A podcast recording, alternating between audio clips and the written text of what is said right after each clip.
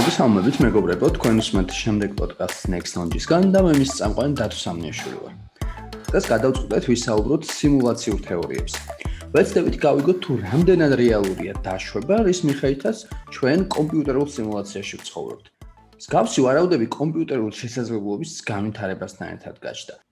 ის რომ ჩვენი სამყარო ვიღაცთან სულაც რაღაც მიერ შექმნილი სიმულაციაა, ბევრ მოაზროვნეს და მეცნიერს უკვე დასაშვები ჰგონია. მაგალითისთვის, სულ რამდენიმე წლის წინ ადამიანის მიერ შექმნილ კომპიუტერულ თამაშებს ძალიან პრიმიტიული გრაფიკა ჰქონდა. ახლა დახვეწილ გრაფიკასთან ერთად ვირტუალური რეალობის ტექნოლოგიებიც გვაქვს. სპეციალური ჩაფხუტის გაკეთების შემდეგ ძალიან მარტივია დაიჯერო, რომ ვირტუალური რეალობა ნამდვილია. და რა იქნება მომავალში? თუ ჩვენ დამაჯერებელი ვირტუალური რეალობის შექმნის პოტენციალი გვაქვს, მაშინ რა ვიცით, რომ იგივე ოდესღაც ხვებმაც არ შეძლეს და ახლა ჩვენს ერთ-ერთ ასეთ სიმულაციაში არ ვიმყოფებ. ეს ყველაფერი შეიძლება როგორც სპეკულაციები ისე ჟღერდეს, მაგრამ ერთი რაც ისტორიამ გვასწავლა, ისაა რომ არასდროს გამოვრიცხოთ ის, რაც ჯერ ბოლომდე არ გვესმის. ჩვენ კი სამყაროს წარმომავლობას სულად ნამდვილად ვერ ხსნით. მაშ ასე ვსაუბრობთ სიმულაციებზე და რეალობაზე. ამ ყოველში კი დღევანდელი ჩვენი სტუმარი ნეირონის ხელოვნური ინტელექტის აკადემიის რექტორი ლევან ბოძაშვილი დაგვეხმარება. ლევან გამარჯობა. აგიმარჯოს. მადლობა მოწვევისთვის. აა პირიქით, პირიქით, მადლობა რომ მოხვედი. აა დღევანდელი თემა არის რაღაც ჩემთვის ესე ვთქვათ სენსიტიურის და ძალიან საინტერესო, იმიტომ რომ ამ თემაზე რაღაც იქნა გამომდინარე რაღაც სამეცნიერო ფანტასტიკის ჟანრთან მაქვს შეხება და წიგნის მაქვს დაწერილი. აა ამ თემებზე რეალურად ლიტერატურაში შევეხებნე და ჩემს ძალიან საინტერესოა რა. და მინდა რომ ეს თემა გავშალოთ, იმიტომ რომ ძალიან ბევრს ძალიან ბევრი ამას უყურებს ისე თითქოს ეს ყველაფერი უბრალოდ ფანტასტიკა იყოს, თუმცა აა დასნობილი მეცნიერებიც და მოაზროვნებიც ამ ყველაფერს არ გამორიცხავენ, ხო? ანუ ზუსტად არაფრის მარშებულია, რა თქმა უნდა, მაგრამ არის ვარაუდები, ხო, რომ რატომაც არ შეიძლება რაღაც ჩვენ სამყარო იყოს სიმულაცია მით უმეტეს იმიტომ რომ კაცობრიობას სამყაროს ახსნის და წარმოშობის თეორიები ბევრად მეტი აბსურდულიც ქონია, ხო და მოდი დავიწყოთ, ხო, ან ჯერ იმით დავიწყოთ ალბათ ჯობია თუ რა არის ზოგადად ეს სიმულაცია და რას გულისხმობ თამაში საერთოდ. მანამ უშუალოდ იმაზე ვილაპარაკებთ, როგორ შეიძლება ჩვენ სამყარო, ხო? კი ბატონო, ეთი რაღაც მოდი დავაზუსტო თავიდანვე და ასეთნაირად გავყვეთ. პირველ რიგში რომ ადამიანებმა რომ ეს ყველაფერი არის ადამიანური აღქმისთვის დაჯერების ელემენტი. ანუ ჯერა თუ არ გჯერა, ეს ერთი ელემენტია. თუ დაუშვათ რომ დავიჯეროთ ეს აბსოლუტურად სხვა ფსიქიკურ მდგომარეობაში აღმოჩნდებით. ამიტომ ადამიანს ურჩევნია არსებული ასე თქვა დადგენილი წესრიგი ცხოვრება და დადგენილი სტილით ცხოვრება და შე შემთხვევაში არის ხოლმე იმ თვალსაზრისით მოწოდებული სამყაროს აღქმისკენ, როგორც მისთვის ნაკლებად მტკივნეულია, ნაკლებად турბულენტურია, ხო? ცვლილებას მოითხოვს და ასე შემდეგ. კი ბატონო. ის დიდი მეცნიერები, რომლებიც თემაზე საუბრობენ და პირველად ამაზე საუბარი დაიწყო ნიკ ბოსტრომა, ოქსფორდის მომავლის ინსტიტუტის დირექტორმა და შემდეგ აყვა მთელი ასე ვთქვათ პლეიადა მეცნიერების და არა მარტო აყვა, არამედ მისი ასე პირველი 2003-ში გამოქვეყნა პირველად მისი ეს ნაშრომი ცხოვრობ თუ არა სიმულაციაში. შემდეგ მთელი მემკვიდრეობა შეიქმნა მის ახუძველზე და ილონ მასკი, რეი კუცვაილი, სხვები ყველა თითქმის არა მხოლოდ ჩაერთო, არამედ შეეცადნენ რომ რაღაცნაირად ეს გამოიყენებინათ კიდევაც. და ილონ მასკმა რაც შემოგთავაზა ყველაზე ასე ვთქვათ საინტერესო მიდგომა ამ საკითხის მიმართ. საკითხი ესე დასვა ჩვენ ცხოვრობთ არათუ ცხოვრობთ თუ არა სიმულაციაში, არა და რა შანსია რომ სიმულაციაში ცხოვრობდეთ, არამედ საკითხი დასვა ესე რომ რა შანსია რომ სიმულაციაში არ ცხოვრობთ. და მან თქვა რომ ეს არის მილიარდში ერთი შანსი რომ არ ცხოვრობთ სიმულაციაში. ნუ პირიქით არის ეს ყველაფერი და შესაბამისად ნუ ადამიანური გონებაც ასე ვთქვათ, მიდგომებით საუკუნეების და ათასწლეულების განმავლობაში ჩამოყალიბდა ისე რომ ჩვენ გვჭირდება ყველაფრის მტკიცებულება, ხილული მტკიცებულება.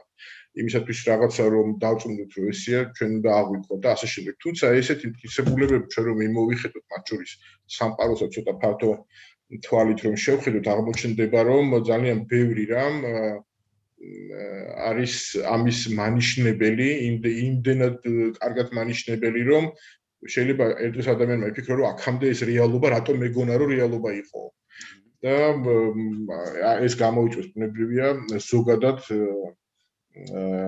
ახმადობის შეცვლას, ცხოვრების სტილის შეცვლას, მიდგომების შეცვლას, ამაოების თემის ასე თქვა ძალიან წინწამოება, წამოწევას იმ თვალსაზრისით, რომ თუ მაგალითად მე და თქვენ ვართ სიმულაციაში და ეს სიმულაცია ნიშნავს, რომ ჩვენ ვართ ჩარჩოებში, ჩვენ არ შეგვიძლია გავცდეთ პილებების მიღების რაღაცა ფარგლებს და შეზღუდულები ვართ ამით, მაშინ გამოდის, რომ ჩვენ არ გვაქვს თავისუფალი ნება, ჩვენ არ ვართ თავისუფლები და შესაბამისად ამ თავისუფალი ნების მიღმა ჩვენ ვართ რაღაცა სათამაშოები. და ეს სათამაშოები არის ორი ტიპის ამ შემთხვევაში ორი ტიპის ახმადობის აი გეიმერებს კარგად ასე ვთქვათ შეიძლება რომ ეს გაიგონ ერთი არის ეგრეთ წოდებული RPG gaming-ი სადაც შენ ხარ წარმართველი ახორციელებ რაღაცას და არის კიდევ ეგრეთ game ასე ვთქვათ თამაშებში ვიდეო თამაშებში NPC-ები რომლებიც დადგენილი ფუნქციონალით მოქმედებენ შეიძლება მიხვიდე მასთან რაღაც იარაღი იყიდო ან რაღაც წყალი იყიდო ან ოქრო და ასე შემდეგ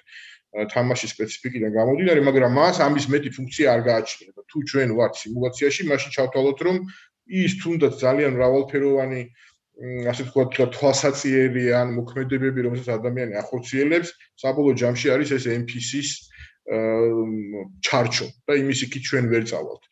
და შემდეგ ეს რატომ არის ეს მნიშვნელოვანი? იმიტომ რომ ნიკ ბოსტრომი თავიდანვე ამვითარებდა ესეთ არგუმენტს, რომ შესაძლებელია თუ არა თეორიულად მაინც და რა არის ამისთვის საჭირო, რომ ჩვენ აღვიქვათ სიმულაცია, ან შევქნათ სიმულაცია. ორი მიდგომა აქვს, ის ამვითარებს სამ სამ არგუმენტს და ამ სამი არგუმენტიდან ერთ-ერთი სწორედ გულისხმობს იმას, რომ რა შემთხვევაში შეიძლება ადამიანს შექმნას თავისი სიმულაცია, იმიტომ რომ თუ არსებობს სიმულაცია, უკვე ხარ ამ სიმულაციაში და შენ ხარ ინტელექტუალური არსება, ისევე როგორც ხელოვნური ინტელექტი, მაგალითად ქმნის შვილობი ხელოვნური ინტელექტის ფუნქციის შესასრულებლად, ასევე ბუნებრივია ამ პირიქით უკეთეს შედარება იქნება ადამიანსაც შეუძლია შექმნას რაღაცები და ქმნის კიდევაც რაღაცებს. თუმცა ეს შექმნადობა სიმულაციაში არის პირობითი.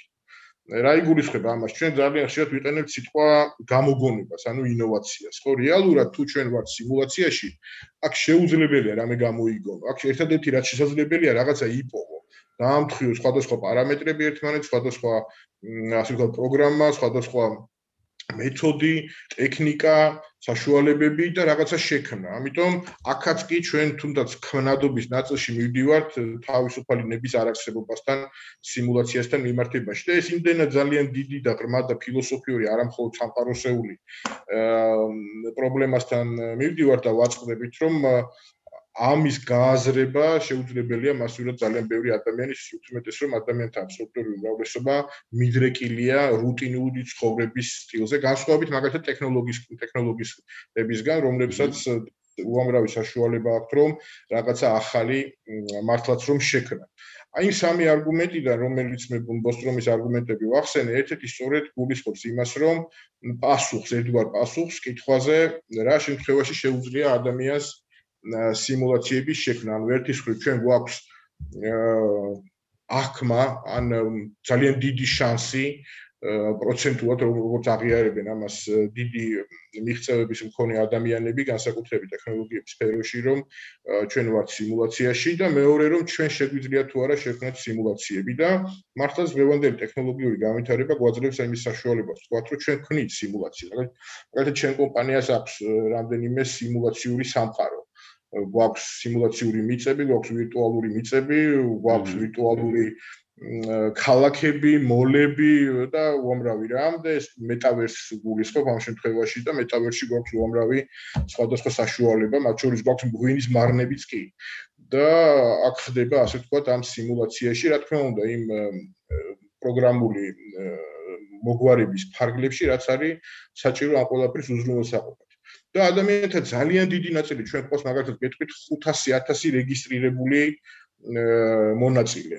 ეგრეთ წოდებული MPs რომელთა უკან დგანან ადამიანები. აი გახსოვთ ალბათ ესეთი ფილმი სუროგატები ბრუს უილისის მონაწილეობით სადაც ადამიანები არიან სახლებში მაგრამ დანარჩენ ცხოვრებისეულ მოქმედებებს ყველაფერს სუროგატები ახორციელებენ. და ახლობით იგივე რაღაცა არის ეს მეტავერსი სადაც ადამიანები თავიანთ კომპიუტერების უკან იმ სამყაროში ცხოვრობენ და პრაქტიკულად რომ ნახოთ ამ 500.000 რეგისტრირებული მონაწილიდან მოქალაქიდან მოდი ესე დავარქვათ ესენი არიან რეზიდენტები ამ მეტავერსის ისინი პრაქტიკულად 24 საათის განმავლობაში არიან ონლაინ ან წვანეთ ანთიან ანუ სულ იქ არიან რომ შეიძლება თქვა ეს გარდა სხვა საკითხებისა ძალიან დიდ კომერციულ საშუალებებს იძლევა ამავე დროს, იმიტომ რომ ეკრანზე შეგიძლია ადამიანს ყველაფერი წავიდგეთ. თუმცა ეს სხვა თემა, მაგრამ რომ დავუბრუნდეთ ბოსტრომს, ბოსტრომი ასეთ პასუხს ცენტრ თავაზობს უბრალოდ ამ კითხვაზე, რომ იმისათვის რომ ადამიანმა ეს ყველაფერი დადასტურებულად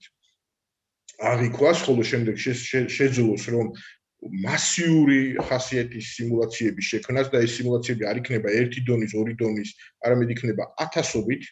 ამისთვის არის საჭირო სუპერ ინტელექტის დონის მიღწევა. სუპერ ინტელექტის დონის მიღწევა ამ შემთხვევაში არ არის მხოლოდ ცალკე აღებული ერთი მოდული ხელოვნური ინტელექტი, მაგალითად არამედ მთელი დღევანდელი თანამედროვე კაცობრიობის ტექნოლოგიური სიახლეებისა, როგორიც არის 5-6G, როგორიც არის ნანოტექნოლოგიები, საგანთა ინტერნეტი, ბლოკჩეინი, ხელოვნური ინტელექტი, ბუნებრივია ეს ერთობლიობაში იძლევა საშუალებას, რომ დროთა რეალურ აღქმაში, რეალურ დროში პარალელური სამყაროები შეიქმნას და ძალიან დიდი რაოდენობა ადამიანთა მოქმედებებისა დაექვემდებაროს აი ამ წინასწარ გათვლილ, წინასწარ ჩამოყალიბებულ პროგრამულ ჩარჩოებს. და თუ ჩვენ დავაკვირდებით დღევანდელ დღესაც პრაქტიკულად ვართ კიდევ ვართ უკვე ამ სიტუაციაში ეს იქნება smartphone-ებზე დამოკიდებულება თუ ეს იქნება ინტერნეტზე ზოგადად დამოკიდებულება პრაქტიკულად ეს აღარ არსებობს.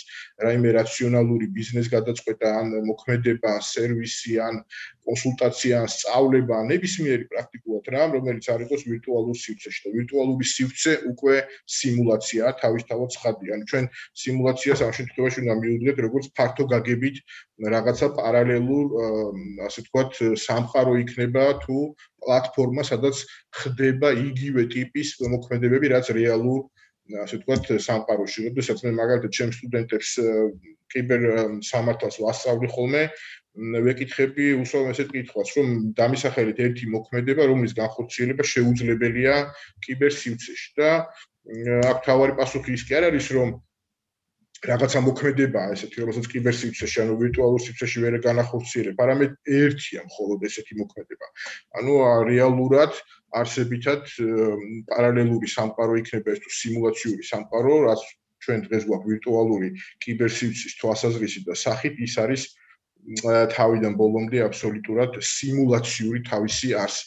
ნებისმიერი პროგრამული კოდი იქნება ნებისმიერი გადაწყვეტა ისიც თავის თავში რა თქმა უნდა გულისხმობს სიმულაციას. აა ბოსტრომი ამავე დროს ამ სუპერინტელექტის პერიოდის მიღწევას აკავშირებს მურის კანონთან, რომელიც ტექნოლოგიური განვითარების ამპლიტუდას განსაზღვრავს. ხო, ამპლიტუდას განსაზღვრავს და რამდენად შესაძლებელია, მაგრამ ჩვენ ვიცით, რომ მურის კანონი რაღაცა პერიოდის განმავლობაში მან დაასრულა. მოქმედება 2020 წლამდე იყო მისი გათვლადობა, მაგრამ შემდეგ შეტრიალდა, იმიტომ რომ ტექნოლოგიური პროგრესი ექსპონენციურად წავიდა და მურის კანონი, ასე ვთქვათ, არარელევანტური გახდა ამ შემთხვევაში, იმიტომ რომ ამის გათვლა უკვე შეუძლებელი აღმოჩნდა. მაშინ როცა უკვე ჩვენ ვართ შევდივართ კვანტური კომპიუტერების სამყაროში. კვანტური კომპიუტერები საერთოდ კომპიუტერული სიმძლავრეები საერთოდ ახალი განზომილებაა, იქნება კაცობრიობისთვის, რომელიც იმ სუპერინტელექტის ეპოქისთვის იქნება დამახასიათებელი და ეს ეპოქა არ არის შორს, ეს არის სხვა სხვა გათვლებით 2030-დან 2045 წლამდე და იმ პერიოდში აი ესეთი სიმულაციების შექმნა ბუნებრივია იქნება ჩვეულებრივი ამბავი. მაგალითად ეს ჩვეულებრივობა ადამიანური თანამედროვე აი ამ მომენტისთვის არსებული ადამიანური ახმადობიდან საკმაოდ რთული გადმოსაცემია იმიტომ რომ ჩვენ რომ 30 წლის წინანდელი ან 25 ან 20 წლის წინანდელი რაღაც საკითხები რომლებიც დღეს ჩვეულებრივია ჩვენთვის გავიხსენოთ აღმოჩნდება რომ იმ დროს ჩვენთვის ეს წარმოუდგენელი იყო და ზუსტად ასევეა დღესაც ბევრი რამ წარმოუდგენელი რომელიც იქნება 15 20 25 წლის შემდეგ ჩვეულებრივი ამბავი როგორც თქვია ან მაგის კაი მაგალითი არის გინდაც გავიხსენოთ რა ტეტრისი ხო რაღაც ეს იყო სიტუაცია რაც შეეძლოთ. მათ შორის მეც ახლა ჩემ ბავშვობაში იყო ყველაზე მაქსიმუმ გინ გრაფიკა კომპიუტერული და ეხლა საერთოდ სხვა რაღაცებს თან გვაქვს შეხება და ანუ რომ შევხედოთ იგივე ლოგიკით გინდაც ჩემი თაობაც და ჩვენი თაობა ბევრად მეც მოესწრება, ხო, ნუ და რეალურად ადამიანის ერთი ადამიანის სიცოცხლის ხანგრძლივობა სამყაროსთან შედარებით ხო ძალიან ცოტაა და შესაბამისად ეს ტექნოლოგიები ფაქტია რომ ძალიან დიდ პოტენციალს ატარებენ. და თქვენ აი თავში რო ახსენეთ ის მომენტი რა გამახსენდა მე გინდას ფიზიკის კანონები რო ავიღოთ ხო რეალურად ანუ სულ შევეშვათ იმას ინდივიდი რამდენად რამდენად გააჩნიოს თავისუფალი ნება და სამყარო არის დეტერმინისტი დეტერმინული თუ არა ხო? თავი მომენტი მანდ არის ფიზიკის კანონები რაც შემიძლია პირდაპირ გვეუბნება რომ ეს სამყარო რაღაც დონეზე არის შეზღუდული ხო? თვითონ სამყაროს მასშტაბზე არსებობს რაღაც კანონები რომელსაც ამ სამყაროში ვერ დაარღვევდა. ну ბევრი ადამიანი ვინც სიტყვაზე ამ თეორიებს ემხრობა და შეერათ ესე ვთქვათ ეს არგუმენტის მოყავთ ხოლმე რომ თუ არსებობს რაღაცა ფიზიკის კანონები ლიმიტი შეიძლება ეს აუქვათ რაღაც სიმულაციის გინდაც მ თამაშის ოღონდ ეს თამაში რა თქმა უნდა იმ გაგებით არ არის რაღაც თქვა ჩვენ კაუნტერს თამაშობ ხო? რაღაც დონეზე ანუ აი ეგეთ დონეზე არის რაღაც კანონები რომელსაც თვითონ ამ სამყაროში ჩვენ ფიზიკურად ვერ გაიქცევი რა და რავი შეიძლება ეგეც იყოს თავის ეგ ეხლა რა ძალიან კარგი კითხვაა და ამავე დროს თავის თავში მოიცავს ძალიან კარგ პასუხს აჰა. სწორედ ეგ რაც ახლა თქვენ ბძანეთ, რომ ფიზიკუ ფიზიკის კანონები ჩვენ გვზღუდავს, ზუსტად ეგ არის ერთ-ერთი მნიშვნელოვანი დადასტურება, რომ ჩვენ ვართ სიმულაციაში. და ეს კანონები ჩვენი ადამიანური განზომილების იქით რეალურად აღარ მოქმედებს. აი სულ რაღაც თქვენახევრის წინ სტენფორდის ამერიკის თავდაცვის სამინისტროს სტენფორდის ერთ-ერთ ლაბორატორიაში ერთმა მეცნიერმა ყოველგვარი ფიზიკის კანონების, ყოველგვარი ნიუტონის წესების მიღმა აბსოლუტური სიზუსტით განსაზღვრა ალგორითმის მეშვეობით პლანეტათა მოძრაობის ამპლიტუდა. ეს ნიშნავს იმას, რომ სამყაროში, სადაც ჩვენ ვართ იმის მიღმა ფიზიკის კანონები და ამას ძალიან ბევრი მეცნიერი ამბობს სხვადასხვა დროს, რომ დედამიწის იქით სხვა აბსოლუტურად კანონები შეიძლება მოქმედებდეს და ეს ნიშნავს იმას, რომ ეს სიმულაცია სწორედ აქ ამ სიუცეში, სადაც ჩვენ შეგვიძლია აღქმას უკვე მე რამდენად ვახსენებ ამ სიტყვას, სწორედ ეს არის ძალიან მნიშვნელოვანი აღქმის საკითხი, იმიტომ რომ როდესაც თუ გახსოვთ მორფიუსი, როდესაც ნეოს აძლევს ორ იმას აპს წითელს და ლურჯს და ანუ ერთი ეხმარება მას აღქმის შეცვლაში და მეორე ტოვებს იმ აღქმაში რომელშიც ის იმყოფება. ხო ამიტომ აღქმა არის ძალიან მნიშვნელოვანი რა ამ შემთხვევაში და როცა ფიზიკურად ჩვენ ვიცით უკვე დადასტურებულად რომ არის განზომილებები სამყაროში სადაც არ მოქმედებს ეს ფიზიკის კანონები აქ უკვე ბუნებრივად ჩდება კითხვა რომ ეს ფიზიკის კანონები სწორედ იმიტომ ხომ არ არის რომ ის ემყარება ზოგადად გლობალურ სიმულაციას ის სამყარო რომელშიც ჩვენ ცხოვრობთ ხომ? ჩვენ არსებითად ვართ სამგანზომილებიან სამყაროში მაგრამ ეს განზომილებები არ არის შეზღუდული არის გაცილებით მეტი განზომილება, ჯერ კიდევ არ ვიცით რა არის დრო, სამყაროსეული ასე ვთქვათ, დიდი სამყაროსეული თვალსაზრისით, არ ვიცით რა ასე ვთქვათ, სივრცეები არსებობს და ზოგადად მანძილსაც, მასშტაბსაც არ აქვს რაიმე განსაკუთრებული ადამიანური ასე ვთქვათ აღქმიდანაც კი შეუძლებელია მისი გაზომვა. ანუ ის იმდენად დიდია, რომ პრაქტიკულად მას არ აქვს საზღვარი, ხომ? და ამავე დროს შეიძლება ის იმდენად მცირე იყოს და იმდენად სხვა და სხვა ასე ვთქვათ განზომილების მატარებელი რომ ჩვენ შეიძლება ერთდროულად რამდენიმე ასე ვთქვათ სიმულაციურ სიმულაციური სამყაროების ნაწილის სიმულაციაც კი ვიყოთ და ეს არ არის ასე ვთქვათ ასპექტი, რომელსაც მე ვავითარებ ამ შემთხვევაში, არამედ რომელსაც სხვა ეს დიდი მეცნიერები, სხვა მეცნიერები ამტკიცებენ ან თეორიულად ანვითარებენ რაღაცა პერიოდების განმავლობაში. ამიტომ მე კითხვა შეგვიძლია ასეთნაირადაც შევატრიალოთ ჩვენ მასზე პასუხი და ამავე დროს უბრალოდ დავჭეთ იმ აღქმადობის ჩვენი ტვინის აღქმადობის იმ არეალში რომელიც რომელიც ჩვენ გარკვეულ ზღვრამდე გაგვაჩნია ამ ეტაპზე ყოველ შემთხვევაში ჩვენი განვითარების დონიდან გამომდინარე ადამიანური განვითარების დონიდან გამომდინარე და შესაბამისად ვთქვათ რომ ეს მხოლოდ ის არის რაც შესაძლებელია. არ არის ეს მხოლოდ ის რაც შესაძლებელია რადგან ის რაც ახლა დღეს გვაქვს შესაძლებელი არ იყო რამდენიმე საუკუნის წინ ადამიანს ის არ ესწოდა და დარწმუნებული ვარ რომ რაღაცა პერიოდის შემდეგ ექნება ისეთი რაღაცები და ამის ჩამოცვა შეიძლება ამას წინათ იყო ერთი ჩემი ინტერვიუ სადაც 19 ესეთი პუნქტი მქონდა ჩამოწერილი სადაც ისეთი ტექნოლოგიური მიღწევებია ჩამოთვლილი რომელიც უბრალოდ დღეს წარმოუდგენელია და აბსოლუტურად წარმოუდგენელი იყო რამდენიმე ათეული წლის წინ ეს ეხება ბიომედიცინას, ადამიანის ფიზიკური განვითარების, სიცოცხლის ხანგრძლივობის უზრუნველყოფას და უამრავ საკითხს, რომელიც დღეს ადამიანისთვის უბრალოდ ამოუხსნელი და წარმოუდგენელი რამ არის. ამიტომ, როდესაც ახმაზე ვაპარაკობ, ჩვენ სწორედ ასე უნდა მივიდეთ, აი ძალიან ფართო გაგებით, რომ არ არის სამყაროში ისეთი რაღაც, რომელიც უბრალოდ გამორიცხულია, ესეთი რამ სამყაროებში არ არსებობს და მათ შორის აქედან გამომდინარე ვერ გამოვიცხავთ ვერც იმას, რომ ჩვენ ვართ სიმულაციის ნაწილი. ეხლა ჩვენ რამდენად ეთიკურად, მორალურად ადამიანურად მოგწონს ან არ მოგწონს ის რომ ამ შემთხვევაში თუ ჩვენ ვართ სიმულაციის ნაწილი, ჩვენ ვართ არათავისუფალი არსებები, ეს უკვე აბსოლუტურად მეორე საკითხია. თუმცა ამაზე რელიგიური ელემენტიც რომ მივცეთ, დაუმატოთ და უფრო სიღრმეებში ჩავიდეთ, შეიძლება იქ იყოს პასუხი სწორედ ასეთ რაღაცებზე. ან ამის გარეშეც კი, ანუ მე მე მაგათ არ მივეკუთვნები იმ ადამიანთა რიცხვს, რომლებიც ესე ცალსახად უყურებენ, განაცალკავებენ ყველაფერს, რაც ადამიანის ასე ვთქვათ, ახმაში არ არსებობს, არამედ პირიქით გონია რომ ეს ყველაფერი ერთმანეთთან თანხვედრაშია და რაც ამ ყველაფერს ერთმანეთისგან აცილებს და ადამიანს გარკვეულ ჩარჩოებში სვავს, ეს არის რადიკალიზმი და ფუნდამენტალიზმი ზოგადად იდეოლოგიური თუ რელიგიური თუ სხვა თვალსაზრისით. ამიტომ პირველ რიგში ასე ვთქვათ ეს როგორც თქვენ штамპები თუ стереოტიპებია მოსაცილებელი ზოგადად რომ შემდეგ ადამიანმა მასიურ მასიურ მოცილებაზე ვსაუბრობ, იმიტომ რომ მაგალითად რო ვარგოთ განათლების სისტემა, განათლების ილონ მასკი ამოს ესეთ რამეს რომ გაცილებით ადვილია მარსზე ადამიანის გაგზავნა, ვიდრე განათლების სისტემის შეცვლა, ანუ სასკოლო სისტემის შეცვლა. ეს ძალიან მნიშვნელოვანი რაღაცაა, იმიტომ რომ ეს არის ის ფუნდამენტი, რაზეც თაობები იზრდება აწლეულების და აწლეულების განმავლობაში.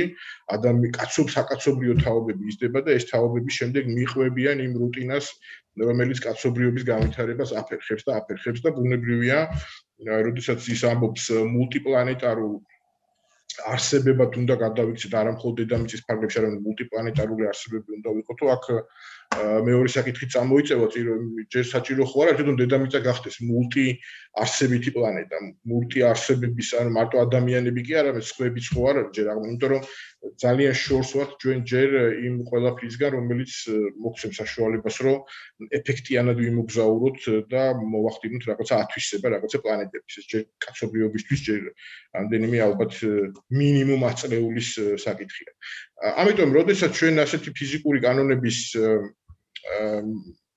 რაღაცნაირად არგუმენტად მოყვანის ნაწილში შევდივართ და ეს დაახლოებით ისეთი ტიპის არგუმენტია, როდესაც ადამიანს შეერა რომ ყველა შემთხვევაში ჯერ კვერცხი იქნა შექმნილი და მე შეიქნა ქათამი. ამ პირიქით ამას არ აქვს არსებითი მნიშვნელობა. უბრალოდ ეს არის მიდგომის ნაწილები რომელსაც ადამიანი ფი შემთხვევაში მასიურად აღიქოს ხოლმე. მაგალითად იგივე განათლების სისტემის ერთ-ერთი ნაკლია სწორედ ეს რომ თაობები დაწყებითი განათლებიდან დასრულებული უმაღლესი განათლებით იზრდება როგორც მომსახურე კლასი, როგორც მუშათა ეგრეთ წოდებული ვორკერების კლასი, ანუ ადამიანები მასიურად რომლებიც უნდა იმუშაონ რაღაცაზე ან ვიღაცაზე. და არა ისინი ჩვენ ზრდით თაობებს არა როგორც მეწარმეებს, როგორც ენტერპრენერებს, არამედ ზრდით თაობებს როგორც დამხმარე საშუალებებს. და მაშინ კითხვა ისმება რატომ არის ეს ამდენი წლების და აწლეულების განმავლობაში რომ სწორედ ესეთი სისტემა გვაქვს? და ჩვენ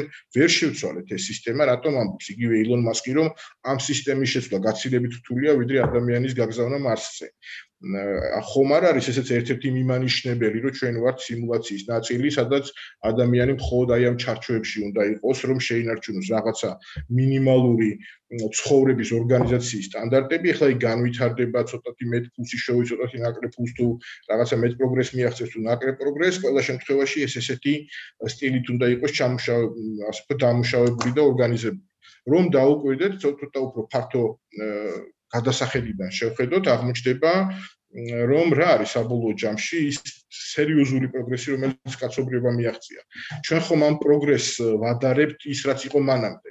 ჩვენ არ ვადარებთ ამ პროგრესს იმას, რაც შეიძლება და პოტენციურად შესაძლებელია რომ იყოს. ხო თუ აი შევადარებთ მომავალს ჩვენი განვითარების ამ ეტაპს კაცობრიობისას აღმოჩნდება რომ ჩვენ ჯერ კიდევ საწყის ეტაპზე ვართ ძალიან ბევრი თვალსაზრისით. როგორც მორალურ ორგანიზაციურ ეთიკური და სხვა საკითხების თვალსაზრისით, ასევე ტექნიკური პროგრესის თვალსაზრისით ძალიან ზოგადად კაცობრიობა. და შესაბამისად ერთეული ადამიანები, ეს ერთეული ადამიანები, იქნებიან ეს პოლიტიკოსები, იქნებიან ეს ტექნოლოგისტები, მეცნიერები, სწორედ ისინი ქმნიან კაცობრიობის განვითარების ტემპს. და ეს ტემპი არის საკმაოდ დაბალი, იმიტომ რომ ადამიანური ახმადობის და ადამიანური განვითარების, ადამიანური რესურსის განვითარების ხარისხი არის ძალიან დაბალი მასიური თვალსაზრისით. და ეხლა მაგალითად საქართველოში ჩვენ რო გადავხედოთ პოლიტიკურ პარტიებს, ყველა რაღაცას პროგრამას წერს, მაგრამ არც ერთი პოლიტიკური პარტია ხაზგასმით ვამბობ, არც თავაზობს ადამიანს და თავის ამორჩევას ადამიანური განვითარების ინდექსის ამაღლებას, რომელიც არის გადამწყვეტი ფაქტორი იმისთვის, რომ ქვეყანა განვითარდეს. ხელოვნურობა არის დამახასიათებელი სწორედ სიმულაციური საზოგადოებებისთვის. ეს სიმულაციურობა შეიძლება ერთგანზომილებიანი იყოს მხოლოდ ის, რომ ჩვენ რაღაცა გარე სამყაროს ან რაღაცა ზებუნებრივი ძალისგან ვართ ჩაკეტილი ამ სიმულაციაში. არამედ სწორედ ბოსტრომიც ამას ამბობს, რომ ეს სიმულაცია რამდენიმე ნაირი და რამდენიმე ასე თქვათ დონის შეიძლება იყოს, სხვადასხვა სიმულაციები იყოს. რომ შევხედოთ ძალიან ბევრ რამეს ჩვენი საზოგადოების ორგანიზაციაში და მხოლოდ საქართველოს არ იგულისხმება, არამედ ზოგადად, ჩვენ ნახავთ რომ ძალიან ბევრი სიმულაციური ელემენტია პრაქტიკულად განმეორების რეჟიმში ცხოვრობს კაცობრიობა და ის რასაც აკეთებს მიუხედავად პატარ-პატარა პროგრესებისა ის მუდმივად არის ერთ წრეზე მოტრიალი კაცობრიობა იმიტომ რომ მას მუდმივად უხდება დაცვა საკუთარი თავისგან მას მუდმივად უხდება დაცვა სხვადასხვა არაიმდენად ბუნებრივი მოვლენებისგან, არამედ დაცვა უხდება საკუთარი, ასე ვთქვათ, ადამიანური რისკებისგან, ადამიანის მიერ შექმნილი კატასტროფებისგან დაცვა უხდება და იქნება ეს ვირუსი თუ იქნება ეს ომი თუ ასე ვთქვათ, ნებისმიერი სხვა პრობლემა, კატაკლიზმი, ეს უმეტეს შემთხვევაში სწორედ მაგალითად დაბინძურება, კლიმატის ცვლილებები და ასე შემდეგ ადამიანის მიერ ინიციირებული წარმოშობილი, ანუ ეს მიანიშნებს იმას, რომ აი სწორედ რაღაცა საკმაოდ დიდი რაოდენობის თვითგანადგურების ხარისხის მატარებელია საბოლოო ჯამში და ამ ასე ვთქვათ განადგურების ასპექტს ის ხშირად იყენებს ხოლმე. ხო აი პანდემია იქნება ძველი, ახალი თუ ნებისმიერი თუ ომები ეს ყოველთვის ამაზე. ანუ თავის თავს აი ამ რაღაცა ბორბალს, ეგრეთ წოდებულ ბედის ბორბალს ადამიანი ჯერ კიდევ ვერ გაექცა და ყველაზე დიდი პროგრესი რაც კაცობრიობაში იქნება, სწორედ აი ამ ბორბლიდან სიტყვივით ამ ბორბალში ტრიალებს ჯერ კიდევ ადამიანი და აი ამ ბორბლიდან გამოსვლა იქნება, აი რეალურად გათავისუფლება ამ ყველაფრისგან და სწორედ აი ეს ბევრი რაღაცა ასეთი ტიპის ფაქტორებია, რომელიც ბოსტრომს როგორც ფილოსოფოს თავის დროზე 18 წლის წინ გაუხდა საფუძვლად რომ დაეწერა სწორედ ის თავისი ცნობილი უცნობილესი ნაშრომი. და შემდეგ ძალიან ბევრი ადამიანი ახვა მას სწორედ აი ამ ლოგიკაში რომელსაც ის ანვითარებს თავისი ნაშრომის ფარგლებში რომ საქმე ეხება სიმულაციაში ცხოვრებას. აი მან ძალიან გამახსენდა გამახსენდა პლატონის მომენტი. პლატონის გამოქვაბული რა ხა პლატონას არჩევა არისო და რა არის კომპიუტერები და ტექნოლოგიები ამ კუთხით რა თქმა უნდა მაგრამ აა რო შევხედოთ პლატონის გამოქვაბულის თემას, რაღაც დონეზე ის ხდება, რომ ადამიანები უყურებენ კარენ გამოქვაბულში გამოკეტილები და უყურებენ კედელს. და რეალურად კედელზე რასაც ხედავენ, არის ჩრდილები, თუ რა ხდება გარეთ რა, ანუ გარეთ რაც ხდება, რეალურად იმის ჩრდილებს ხედავენ და აღიქვავენ, რომ ეს არის სამყარო, რომ მათ არ შეუძლიათ გამოქვაბულიდან გავიდნენ და ისინი აღიქვავენ მარტო ამ ჩრდილებს და აღიქმევარ თვითონ თლიანად სამყარო ეს არის, ხო? რაღაც დონეზე შეგვიძლია ეგრეთ შევხედოთ, რომ მთელი ჩვენი ახმა და არა მარტო გინდას ისე რომ შევხედოთ რა, მაგალითად როგორც კულტურა და არამედ შეიძლება ნეირონულ დონეზე და ზოგადად ადამიანის ბიოლოგიურ დონეზე შევხედოთ, იმიტომ ნებისმიერი არსება ვიცით ფაქტია ემპირიულია, რომ ყველას აქვს თავისი სენსორული აღქმები ამ სამყაროს შესაძლებლად ადამიანსაც რაღაც კონკრეტული ევოლუციურად ჩამოუყალიბდა რაღაც აღქმა და ეს აღქმა ძალიან თავისუფლად შეიძლება იყოს ასე ვთქვათ შეზღუდული ისევე შეზღუდული, როგორც ხამქვაბულში ხარ და შენ სიტყვაზე იქ ხედავ რაღაცას, ხო? მე იმას არ გამოვიცხავ ესე დროს რომ ეს სიმულაცია აი ესე თქვა ჩვენ ვეძახდეთ ამ სიმულაციას და ნუ ამ სიმულაციაში კიდე უფრო ფართო რაღაცა იგულისხმებოდეს და უბრალოდ სიმულაციას ჩვენი აღქმით ვეძახით, იმიტომ რომ რაღაც თავეჭლებები გაგვიჩნდა უკვე ტექნოლოგიებიდან გამომდინარე თავადაც შევქმნით რაღაც ტექნოლოგიები და ნუ აქედან გამომდინარე ვიძახთ რომ შეიძლება ეს სიმულაცია იყოს.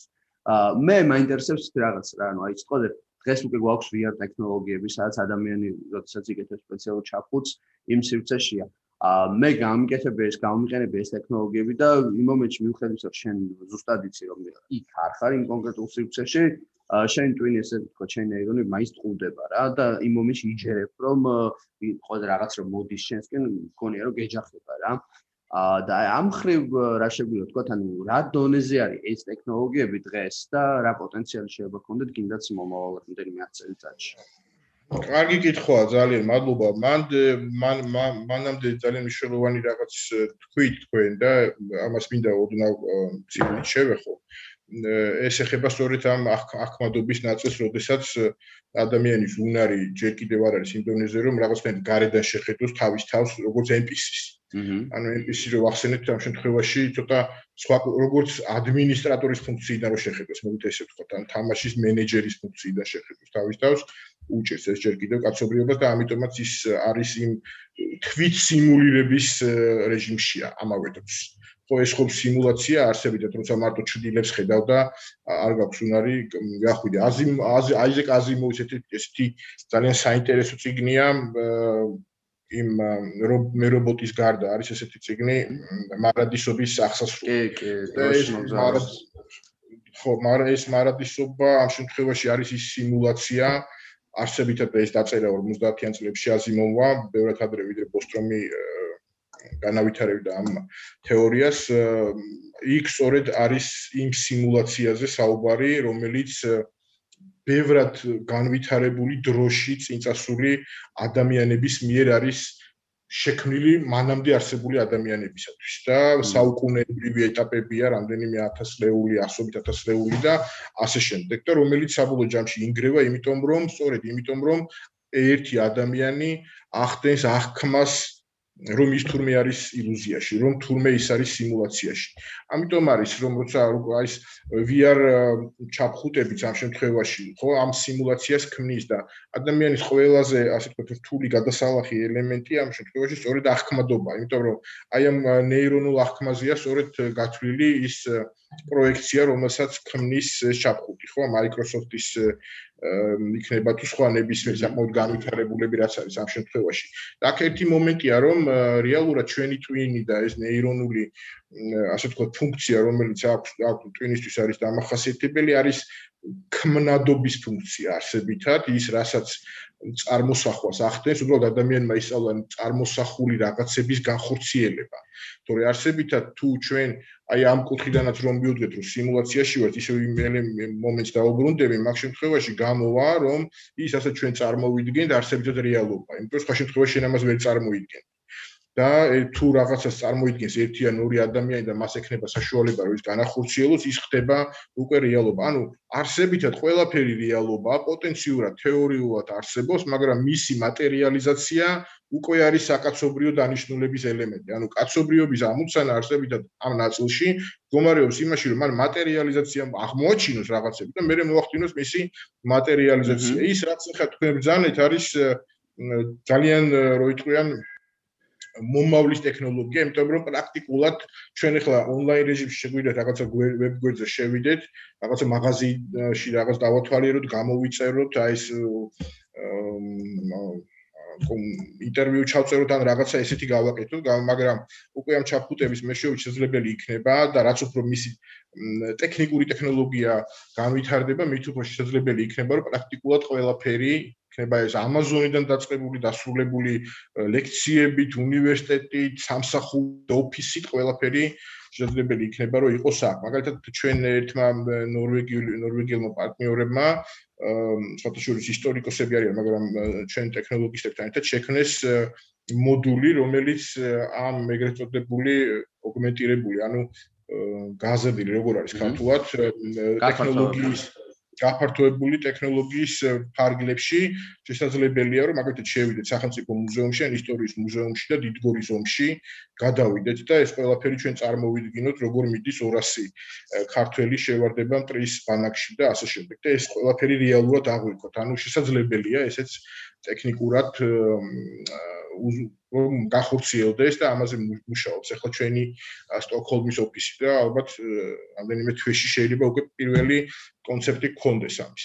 რევოლუციურია თავისთავად ბუნებრივია რევოლუცია იმიტომაც რევოლუციურია იმიტომაც რომ თუ ეხლა ამ ეტაპზე მასში ჩატვირთული რაღაცა ინფორმაცია არის შეზღუდული მერე როდესაც მომდევნო წლების განმავლობაში და მონაცემი არის პრაქტიკულად ყველაფერი უკვე დღეს სამყაროში განსაკუთრებით ვირტუალურ სივრცეში ის როდესაც მონაცემები იქნება ერთმანეთთან დაკავშირებული იქნება ინტერნეტი ჩართული ამ ყველაფერში და იქნება ძალიან სწრაფი ინტერნეტი იმიტომ რომ გადმოწერის, გაშვების, ანალიზის და ხელოვნური ინტელექტის ბევრი აპლიკაცია იქნება მასში ბუნებრივია, რომელიც ანალიტიკას გა ადამიანის შესაძლებლობები იქნება აბსოლუტურად შეუდარებელი იმ შესაძლებლობებთან, რაც არის ახლა. აი მაგალითად, ვავიყოთ ევროკავშირის ჩატარ შაშან ჩატარებული გამოკლებით 65% მზად არის რომ Neuralink-ის ტექნიკას მიუერთდეს, რასაც აკეთებს აპირებს Neuralink-ი რომ 2022-ში გაუშვას. ეს ძალიან დიდი მაჩვენებელია, 65% არ არის ცოტა, მაგრამ ეს ექსპონენციურად 100%-ამდე ავა, როდესაც ადამიანები დაინახავენ რომ ისინი აღმოჩნდებიან ისეთ კონკურენციაში რომ ამის გარეშე შეუძლებელი იქნება მათი საქმიანობა და თუ ამას დავაკავშირებთ იმასთან რაც უკვე ჩვენ თქვით მანამდე ეს არის ხელოვნური ინტელექტი საგანთა ინტერნეტი ბლოკჩეინი ფინანსური საკითხებისთვის და სხვა ტექნოლოგიები უნებრივია რომ ერთობლიობაში ეს ავტომატურად ჩვენ სიმულაციას ადამიანური სიმულაციების არაორდინალური რაოდენობა იქნება შექმნილი, მით უმეტეს ინტერნეტი გვაძლევს ჩვენ დეცენტრალიზაციის საშუალებას, ჩვენ ადამიანები ქმნიან უკვე დღეს და ქმნით და ერთ-ერთი მაგალითად ჩვენი არის, ჩვენი კომპანია პირველი იყო, ვინც ესეთი ორგანიზაცია შექმნა, ეს არის DAO-ები, ანუ დეცენტრალიზებული ავტონომიური ორგანიზაციები, სადაც არ არსებობს მართვის ერთიანი სისტემა, არ არსებობს ეგრეთ წოდებული ადმინისტრატორი, ადამიანი, მენეჯერი, შუამავალი და ყველაფერი არის ასე ვთქვათ ერთობლივ გადაწყვეტაში. მხოლოდ ეგრეთ წოდებული მართლობითი ტოკენების მეშვეობით ხდება გადაწყვეტილების მიღება, ანუ governance ტოკენები რაც არის ამ შემთხვევაში. ამიტომ ეს ჩანასახში ახლა რაც არის, მომდენო წლების განმავლობაში ბუნებრივია უკვე გახდება მასიური რეალობა.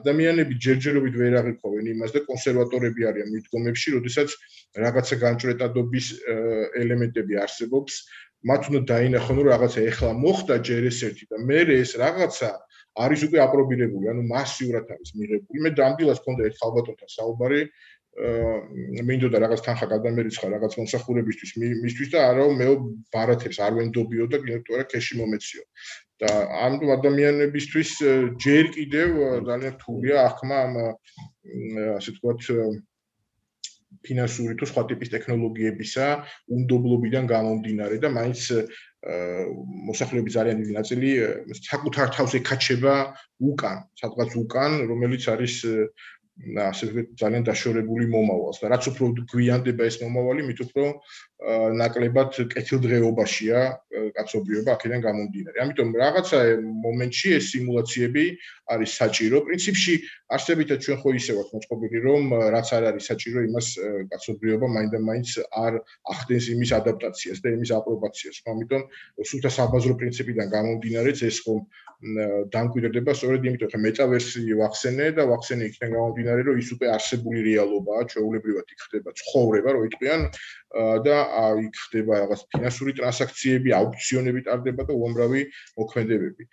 რაც ხდება რეალურ სივრცეში. ამავე დროს, უბრალოდ ერთადერთი განსხვავება არის ის, რომ ჩვენ ერთმანეთს სუროგატების მეშვეობით ვეკონტაქტებით. აი ამ პიქსელებისგან შემდგარი სუროგატების მეშვეობით ვეკონტაქტებით. ხომ? აი ესეთი რეალობა, ეს რეალობა ეხლა დღეს არის საწყისი ეტაპის საწყისი ეტაპი მე ესე ვიტყოდი იმიტომ რომ ექსპონენციური ნახტომი ჯერ არ არ მომხდარა ეს ექსპონენციური ნახტომში გულისხმობა ის რომ უცბად გააცნობიერებს კაცობრიობა თუ რა რა არის შესაძლებელი რამდენად ასე ვთქვათ სხვა ეტაპზე შეუძლია მას გადავიდეს ძალიან სწრაფად. და ერთი ძალიან მნიშვნელოვანი რამ როცა პოსტრომი საუბრობდა სუპერ ინტელექტზე ის ამავე დროს ამითარებს ერთ მნიშვნელოვან ასპექტს რომ სუპერ ინტელექტის შემთხვევაში ადამიანმა უნდა მიაღწიოს რომ ეს ყველაფერი აღიქვას, უნდა მიაღწიოს პოსტჰუმანურ ეტაპს. პოსტჰუმანური ეტაპი სწორედ ეს ის ეტაპია, რომელზეც ახლა მე ვსაუბრობ, ადამიანის განვითარების აბსოლუტურად სხვა ეტაპი, როდესაც ის არ არის ჩაკეტილი პარადიგმული მიდგომების ასე ვთქვათ ასპექტებში. დღესაც კაცობრიობის დიდი ნაწილი ჩაკეტილია პარადიგმულ მიდგომებში, შეიძლება იყოს რელიგიური პარადიგმა, იყოს სხვადასხვა ეთიკურ-მორალური პარადიგმები და აი აქედან გამომდინარე მისი ცხოვრების ორგანიზაციას ესე უყურებს. შესაბამისად, განვითარების სხვადასხვა ეტაპებზია სხვადასხვა ერი, თუ არის მაგალითად მეოთხე ეტაპზე დასავლური ცივილიზაცია, სამხრეთ აღმოსავლეთი აზიის ქვეყნები და ასე შემდეგ, ძალიან ბევრი ქვეყანა არის, რომელიც მესამე პარადიგმულ ეტაპზეა ჩარჩენილი, რო იტყვიან განვითარების და მიუხედავად იმისა, რომ შეიძლება მათ რაღაც ძალიან მაგარი ტექნიკები იყიდეს, ან smart ქალაქები ააშენეს, მაინც საზოგადოების მენტალური თავსება არის მესამე ეტაპის. რაც ნიშნავს იმას, რომ მისი განვითარებისთვის შეუძლებელია მესამე ეტაპზე განვითარების აი ამ სერიოზული ტრანსფორმაციული საჭიროებების დანახვა და პირიქით ებრძვის კიდევაც რომ ეს არ არ მოხდეს. აა არ ვიცი გავიცი თუ არა თქვენ კითხოს. კი ბატონო, კი, კი, კი. აა მე მაგას გამახსენდა ეს მომენტი, როდესაც თქვით რომ შეგვიძლია სიყვარული შევიდეთ და დიდგორს ომი გამიცადოთ, ხო რაღაც მომწერა. აა და ეგ მომენტი ჩემთვის ძალიან საინტერესო, იმიტომ რომ მე ეგ ერთ-ერთი შეკითხვაში მქონდა, რომ რამდენად შეგვიძლია თქო, უნდა მეკითხა მომავალში როგორ წარმოგვიდგენია, შეგვიძლია თუ არა შევქმნათ, ანუ ისტორიის ციგნებს რო ვკითხულობთ მაგალითად, ხო, რა რა მომენტია, ხო, ჩვენ რაღაც გვიჭირთ ციგნი და იქიდან ვეცნობთ რაღაც ინფორმაციას და ჩვენი ტვინი რეალურად ახდენს ამის სტიმულირებას რაღაც დონეზე, რომ თითქოს ანუ მართლა წარმოიდგენს ამას ჩვენ ხო ვხვდებით მაგრამ რეალურად ამას აკეთებს პროცესი ტვინი ეს ხდება რომ წარმოიდგენს თუ რა ხდებოდა იმ დროს რაღაც ბავშვობაში მე მაგას დავით აღმოჩენები რაღაც მიყვებოდნენ ჩემს ტვინში მისი ხატი ესე თქვა სახე რაღაცა ყალიბდებოდა რა და ამ შემთხვევაში მსგავსი სიმულაციები პირდაპირ ხდება უკვე ამ ამ წარმოდგენების რაღაც დონეზე ვიზუალიზაცია და წარმოქმნა კიდევაც ხო? და ჩვენ თუ შევძლებთ აი მაგალითად Sims-ი თამაში ხო ესეთი ბავშვობაში თამაშობდი ხოლმე სადაც არიან ცოცხალი, ეგრეთ წოდებული ცოცხალი ადამიანები და რომლებსთან თამაში გამომჩა არაფერს არ აკეთებ გარდა იმისა, რომ ამათ ცხოვრებას მართავ და ამათ ცხოვრება არის ძალიან რუტინული, რომელიც პირდაპირ გავს ჩვენსაც ან მირის მაცევა საჭმელს შეჭამს, მე სამსახურში მირის ბავშვს აძინებს და ესეთი რაღაცები და ეს იყო ჯერ კიდევ ერთი 12 წლის წინ ეს თამაში რა და ანუ მე სულ ეს წავიდე მომავალში თქო შეიძლება განთავისუფლოთ ისტორიის ისტორიას სწავლობდე ზუსტად იმით რომ შევდივართ რაღაც კონკრეტულ სიმულაციებში და ამ პროცესს ვაკვირდებოდეთ ესე ვთქვათ რა. ანუ რატომაც არა, ხო თუ სიყვარული ჩვენ შევძლებთ რომ ეს თამაშები უფრო გრაფიკულ დონეზე იყოს დახვეწილი და რაღაც ამ თავისუფლად შეიძლება იქ შესვლა და შენ ამით აღქმა ზუსტად როგორი იყო ეს ისტორია რა და ამით მოახდინო პირველი სიმულაციები. სადაც მე რაღაც დონეზე რაც უფრო განვითარდება ეს ტექნოლოგია ზუსტად წაიშალოს ის ზღვარი რა არის სიმულაცია, სად არის სიმულაცია რა. აი რიკი და მორტი ესეთი ანიმაციური სერიალი რო არის თუ ნახი გაქვთ მან და ზუსტად ერთ სერია როდესაც ეს მორტი მიდის იკეთებს ჩაფხუტს და უნდა რომ რაღაც თამაში ითამაშოს და თამაში როგორც კი შედის იქ არის რაღაც პატარა ბავშვი არის რა თავიდან ეს და უცებ ავიწყდება რომ ამ თამაში და მთელ სერიალს უყურებთ ეს ბავშვი როგორ იზრდება როგორ ბერდება და მე რეკვება და უცებ ეს სერიას მთავრდება და ამასაც ჩაფუცი ხსნის და ვაფშე აღარ ახსოვს ვინ არის, იმიტომ რომ ისევ იმ ემოციებში ის გაიარა რა. ანუ იმ ჩვენი გაგებით შეიძლება თავის გაგებით იმ მომენტში რაღაც ორი წუთი იყო, მაგრამ რეალურად იქ თელი სამყარო გაიარა რა.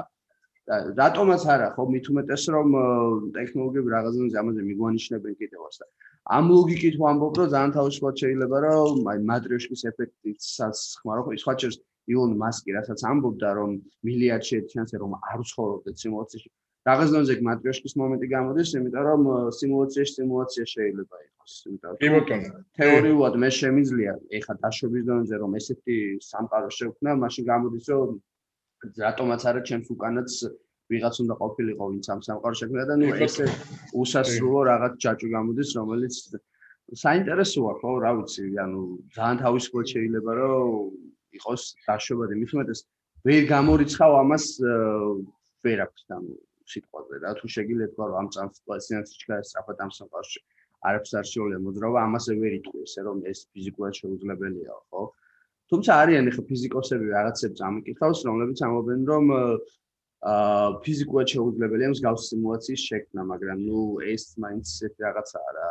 მგონი რომ ზუსტად ვერ იტყვი ვერაფერს ამ ხრივ რა ხო, შესაძლებელია ფიზიკურად შეუძლებელი შეიძლება რაღაცა იყოს იმ რეალობაში, სადაც ჩვენ ვართ. ანუ ამ ამ სამყაროს და ამ კანონების, ამ ფიზიკის კანონების ნაწილში, მაგრამ შეიძლება ჩვენ არა მხოლოდ ვირტუალური, არამედ ფიზიკური სამყაროც შექმნა რაღაცა ისეთ, სადაც შესაძლებელია, სადაც ეს კანონები უბრალოდ შეიძლება არ მუშაობდეს. ეხლა პირველად ვიტყვი თქვენს ეთერში, რომ ჩვენ ფაქტიურად შეთანხმებულები ვართ NASA-სთან, რომელიც 2050 წლისთვის აშენებს ქალაქს მარსზე, დაპროექტებულია ეს ქალაქი, იქ ჩვენ გავაშენებთ ქართულ ვენახს მარსზე და ამის ასე ვთქვათ პროექტი გვაქვს უკვე და ეს იქნება აბსოლუტურად სხვა ფიზიკური რეალობა. ანუ ეს არ იქნება ის რეალობა, სადაც შეუძლებელი სადღაც კახეთში მაგალითად ვენახი მოდის და ღვინო იწურება, არამედ სხვა რეალობას ვქნით იქ და მაგალითად ეს მინდოდა მომიყვანა, მაგრამ დაუბრუნდები იმ ძალიან კარგ წერტეს რომელზეც თქვენ აღნიშნეთ რომ ეს ახმადობის ელემენტი აი ეს რასაც ბოსტრომი ამბობს სუპერ ინტელექტის პერიოდი როცა ადამიანი იმისთვის რომ ეს ყველაფერი გაიაზროს უკვე პოსტ ადამიანურ ეტაპზე უნდა იყოს განვითარების და აი ამ სწორედ ამ დროს მას შეიძლება შექმნეს შექმნას მულტიგანზომ მრავალგანზომილებიანი სიმულაციები, მათში სიმულაციები, პარალელური სიმულაციები და ზოგადად სიმულაციური სამყაროები ძალიან ბევრი, სადაც არსებული სოციალური ორგანიზაციული წესრიგი იქნება აბსოლუტურად არარელევანტური. აი ეს რაც მაგალითი მოიყვანთ, როდესაც შედის ფილმში და სხვა რეალობით გამოდის იქ, ადამიანისთვის ხომ დამახასიათებელია ერთი და იგივე რაღაცის კეთებით ჩვევის გამომუშავება, ხო მაგალითად მოწევა. ზოგ შემთხვევაში მოწევა არის ძალიან ცუდი ჩვევა და არა ვთქვათ სურვილი, ხო? და ეს ჩვევები ვითარდება ადამიანს და ეს ჩვევა შემდეგ ამ რეალობაში მას აჯერებს. ბუნებრივია და უკვე ძალიან უჭირს, რომ სხვა რეალობაში სხვა ჩვევები განავითაროს და შესაბამისად ეს ბიოლოგიურად, ფიზიოლოგიურად არის ადამიანისთვის დამახასიათებელი, რაც ნიშნავს იმას, რომ აბსოლუტურად და არათუ ვერ გამოვიწყავ და აბსოლუტურად შესაძლებელია ძალიან დიდი შანსი შესაძლებელია რომ ასეთ რეალობებში ადამიანები მანამ სანამ არ მიაღწევენ ამ პოსტადამიანურ ეტაპს განვითარებისას მათ ვერც კი გაიგონ და ვერც გავიგებთ არ ვარ თუ არა ამ სიმულაციაში არსებით და აი სწორედ ხელოვნური ინტელექტთან მიმართებაში ამბობს ბოსტრომი ამას და შემდეგ ამას ავითარებს კუფროედის და მასკს რომ სწორედ ხელოვნური ინტელექტის აი ასეთ ეტაპზე მისვლა ჩვენ ეს არ იქნება პირდაპირ ასე ვთქვათ ჯახი კაცობრიობასა და მანქანებს შორის როგორც ფილმებში ტერმინატორში და სხვა ფილმებში ვაკ ნახი არამედ ეს იქნება ეპოქა, სადაც ჩვენ სწორედ ამ სიმულაციური მართვის ნაწილში შეიძლება აღმოჩნდეთ. ეხლა სიტყვა მართვა ძალიან შემაშინებელია და არარელევანტურია ამ შემთხვევაში, მაგრამ ეს სიმულაციები რაღაცნაირად ეხლა რატო თქვი თავიდან მე რომ შეიძლება იყოს ერთ-ერთი ელემენტი ამ სიმულაციის, მაგრამ საერთო ჯამში ერთელი სამყარო ხო ესია. შეუძლებელია რაღაცა იყოს მხოლოდ რაღაცის შემქმნელი სიმულაცია. ეს ხომ ერთმანეთის ჯაჭვია, ეს ხომ ერთმანეთში არსებობს. მატრიოშკების მაგალითი არის ძალიან კარგი მაგალითი, ასეთ შემთხვევაში უბრალოდ ამ შემთხვევაში ეს მატრიოშკები არ დაუსრულებენ. მუდმივად შეუძლია გავხსნათ და ყველაზე დიდის და ყველაზე პატარაც არ არის საბოლოო წერტილები. არც საწყისი წერტილი და არც საბოლოო წერტილი, იმიტომ რომ ეს ყველაფერი არის უსასრულო ამ შემთხვევაში მხოლოდ მასშტაბს რო გადავხედოთ სამპაროსი ესეც კი ამის მიმანიშნებელია. ამიტომ ჩვენ ამ შემთხვევაში როგორც ადამიანებს უნებრივია და აქეთკენ მივდივართ ძალიან ბევრი ახალგაზრდა მათ შორის რომლებიც თამაშები იქნება ვიდეო თამაშები თუ საქმიანობის სფერო, სტილი ცხოვრების და ასე შემდეგ პრაქტიკულად გადადის სხვა ეტაპზე. აი ძალიან კარგი მაგალითია NFT. რიც არის რატომ არის ესეთი ბუმი NFT-ის სოფლიოში? იმით რომ დღეს ახალგაზრდებისთვის და აი ამ კომუნიტისთვის, რომელიც არის ძალიან დიდი რაოდენობის ბუნებრივია, მათთვის თვით დამკვიდრების, გამოხატვის, ტრაბახის და ასე შემდეგ ფორმა შეიცვალა. თუ ადრე თქვათ როდესღაც ცხენი იყო ახალგაზრდისთვის რომ მოახდებოდა ამ ცხენს და სადღაც გააჭენებდა და ეს იყო მითავმომწონეობის საფუძველი დღეს მაგალითად LeBron James-ის NFT ან რაღაცა გაცილებით უფრო მნიშვნელოვანია ფაილის სახით რომელიც გაქვს და რატომ? იმიტომ რომ უკვე ადამიანისთვის ეს ვირტუალური სამყარო რეალურთან იმდენად მიახლოებულია რომ მე აღარ მჭირდება რეალური LeBron James-ის ბოტასები. არამედ მე NFT მირჩენია LeBron James-ის. რატომ გაიყიდა ბიპრის ნახატი ამდენად. ხო იმიტომ რომ მას არა მხოლოდ საინვესტიციო ფასი აქვს არამედ ერთგვარი რელიკვიური ფასიც გაუჩნდა. ანუ ვირტუალურ საგნებს გაუჩნდა რელიკვიური ფასი. ადამიანისთვის ის არის სიამაყის ასე ვთქვათ შეიძლება გოიას ან ნებისმიერი ცეთი ცნობილი მხატვრის რაღაცა ნახატები სახლში რომ კონდეს ადამიანს არის ძალიან კარგი თქვა და თავს მოიწონებს, მაგრამ დღეს უკვე ეს ტენდენცია იცვლება. შეიძლება ერთი ერთი NFT კონდეს ახალგაზრდა კაცს ან ხალხს და ის გაცილებით მნიშვნელოვანი იყოს მისთვის და მისი კომუნიტისთვის, რომელიც იზრდება და იზრდება მუდმივად ამ თაობებიდან გამომდინარე, მილენიალების შემდგომ უბრალოდ რაც იქნება თაობები, ყველა ასე ვთქვათ, აი ამ ფერხულში იქნება ჩართული თვითნებურად თავისი ასე ვთქვათ სურვილი ბუნებრივია რაც ნიშნავს იმას რომ აი ეს სიმულაციური სამყარო აუცილებლად განვითარდება პრაქტიკულად საზღვარი არ აქვს მას. და ნელ-ნელა ვიწროვდება ეს ფიზიკური სამყაროს მნიშვნელობა იმ თვალსაზრისით რომ ნაკლები ოპერაციას ნაკლები მოქმედებას ადამიანი ცდილობს რომ განახორციელოს ფიზიკურ სამყაროში რაც ალბათ ფიზიკური ჯანმრთელობისთვის ძალიან ცუდია და უნდა ვივარჯიშოთ კი კი კი ვარჩი კარგია. თუმცა ანუ აი ძალიან საინტერესო მომენტი არის მაგრამ კიდე ერთი ფაქტორი როდესაც საუბრობთ ამ სიმულაციებზე. მაგალითად ადამიანს ხომ ამ სამყაროში როგორც ჩვენ ცხოვრობთ სიტყვაზე ხო რაღაც დონეზე ხარ მაინც შეზღუდული ხო? ანუ რაც მინდა ტექნოლოგიები განვითარდეს ხედავთ რომ სამყარო უსასრულო დიდია. ამასთან ერთად არის რაღაც საზღვარი ისე ვიგივე რაც ვამბობთ ხო ფიზიკის კანონები ამით შეიძლება სულაც ხელი შეუშალოს ხო რაღაცნაირად შენ ამითარებ ტექნოლოგიას, მაგრამ გიშლის სიტყვაზე ფიზიკის კანონი ხო? და აქ მეორე ალტერნატივა ჩნდება ესეთი რაღაცა, რომ შეიძლება შენ შექმნას სიმულაცია, რომელშიც დაუშვათ შენ სიტყვაზე, იცი კიდევაც სიმულაციაში ხარ, ხო? მაგრამ იქ შეიძლება უფრო მარტივად განაგო სამყარო. აა მათ შორის როგორც კომპიუტერულ თამაშებში არის, შენ თუ შეგეძლება სიტყვაზე იქ თავისუფლად იფრინო, შენ შეიძლება საფრთხე არ დაემუქროს, ძალიან ბევრი რაღაცა ხო რაც აი ხა ასე ხა აქ ოცნებობ სიტყვა და იქ მარტივად განახორციელო ხო? მან ჩდება ისეთი შეკითხვა რაც ახლა შეიძლება ძალიან ბევრისთვის ასოცირდებოდეს იმასთან რომ ამან შეიძლება რაღაც ადამიანების საერთოდ გაარკვეს მაგრამ თუ სიტყვაზე ყველაფერი შეგრძნებებზია მან და აი მატრიცაშია ძალიან საინტერესო მომენტი.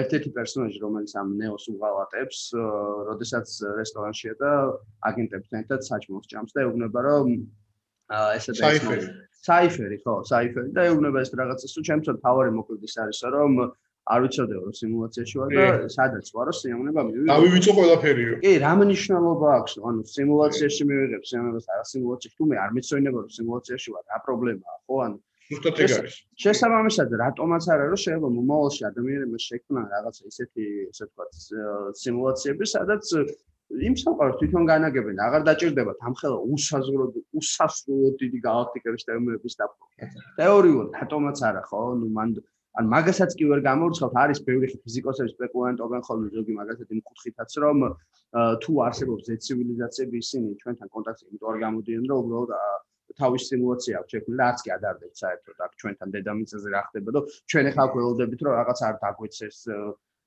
მეტეორი არ დაგვეცდა იმას საერთოდ არ აინტერესებს. რაღაცა სიმულაცია აქვს შექმნილი და საერთოდ იქ არის გადასული ხო? ან ძალიან ბევრი ზოგადად ეს ესე თემა ძალიან ძალიან ბევრი ესე თქვა აინტერესებს. კი კი ძალიან საინტერესო და ძალიან ბევრი რაღაც შეგიძლია თქვა რომელიც შეიძლება დღეს აბსურდი იყოს და ხვალ აღარ იყოს აბსურდი. ან იქ აღმოჩნდეს რომ მართლა აბსურდია და ასე შემდეგ. ძალიან ფართო თემაა მოკლედ და აუცილებლად ჩემი არის ისეთი თემა, რომელზეც საუბარი აუცილებლად ღირს ჩვენ ხარ, რა თქმა უნდა, ვერაფერს ვერ ვიტყვით, რომ ეს ესია და ამის მტკიცებას ვერ დავიწყებთ, მაგრამ ვარაუდების დონეზე ძალიან საინტერესოა ამაზე საუბარი და მე მგონია, რომ ნამდვილად ღირს მით უმეტეს. ეს არის ისეთი რაღაცა, რომელსაც შეიძლება ისეთ დაშობები გააკეთოს ადამიანის გონებაში, რომელსაც კიდაც კულტურულ დონეზე რაღაც ახალი პარადიგმები და ახალი ხედვებიც გააჩინოს და მეთახმებით ამდვილად ასია ზუსტად. და ნუ ყოველ შემთხვევაში ამაზე მსჯელობა საუბარი ინფორმაციის მიწოდება ადამიანებისთვის ჩემს კარგია. იმის მერე ხა ადამიანი არჩევანს აი თავიდან დავიწყეთ. არჩევანზე თავისუფალნებაზე მივედით აღქმაზე არსებითად თუ შენ ამას აღიქვავ ისე როგორც შენ ეს კომფორტს გიქმნის და გაწყობს და სიამოვნებს თავისუფალი ნების საჭიროება სადღა არის არის კი. ხო აი ესეც ისეთი იმის ანუ ფილოსოფიურიც არის აქ ტექნოლოგიური ელემენტებიც არის ზოგადად ცხოვრებისეული ნოა ხალარის მიდგომებთან გადავდივარ და ასე ვთქვათ გონიერი ადამიანის არსებობის დანიშნულება და უამრავი საკითხია რომელიც შეიძლება ამ ყველაფერში მოვაქციო და ამიტომ მეც გეთახმებით რომ ეს ძალიან საინტერესო თემაა რომელზეც ღირს საუბარი და მსჯელობა მაინც. კი ბატონო კი ბატონო მეც მეტას რომ ისიც კი არ ვიცი მაინც რეალურად გარდა იმისა რომ სამყაროს ვერ ხვდები ჯერ ბოლომდე ვერ ავიქვავთ ამ თლიან სამყაროს ისიც კი არ ვიცი მაინც ბოლომდე რა არის ცნობიერი მეცნიერულ დონეზეც ვერ გვაქვს გაშიფრული ბოლომდე რა ფენომენია ეს და სად ჩდება ცნობიერი და სად გადის ზღვარი ცნობიერსა და მაგალითად არ ცნობიერი სიცოცხლეს შორის და მოკლედ ძალიან ბევრი რაღაცა არის რა. დადასტურებით სანამ არ გვეცოდინება რა არის სიკვდილი, მანამდე ძალიან ბევრი რამის ვერ ამოხსნით. მანამდე არ გვეცოდინება რეალურად რა არის სიცოცხლე. მანამდე არ გვეცოდინება რა არის სიმულაცია და იქნებ ეს ფიზიკური სამყარო სწორედ ის ვირტუალური სიმულაცია, რომელშიც ჩვენ ახლა მსჯელობთ იმაზე, რომ აქ უნდა შევქნათ რაღაცა სხვა სიმულაცია. ანუ ისეთ სიმულაცია არსებითად, ხომ? ჩვენ უბრალოდ რეცეპტორულ დონეზე შეგვიძლია ფიზიკური მოქმედებების, შეხებების და უამრავი რაღაცის აღქმა და ეს გვაძლევს იმის თქმის საშუალებას, რომ ეს არ არის. სიმულაცია. მაგრამ რა ვიცით, რომ ის რეცეპტორული, ასე ვთქვათ, აღქმებიც არ არის სიმულირებული. რომ სადაც ეს ესე უნდა იყოს არსებითად. ამიტომ ნუ ჩვენ ვართ მანამდე აი ამ ეტაპზე, რა ეტაპზეც ვართ, არა პოსტჰუმანურ ეტაპზე, ვიდრე არ შეგვიძლია რაიმეს გადაჭრით მткиცება და თქმა იმისა, რომ ეს ნამდვილად ესეა. კი ბატონო.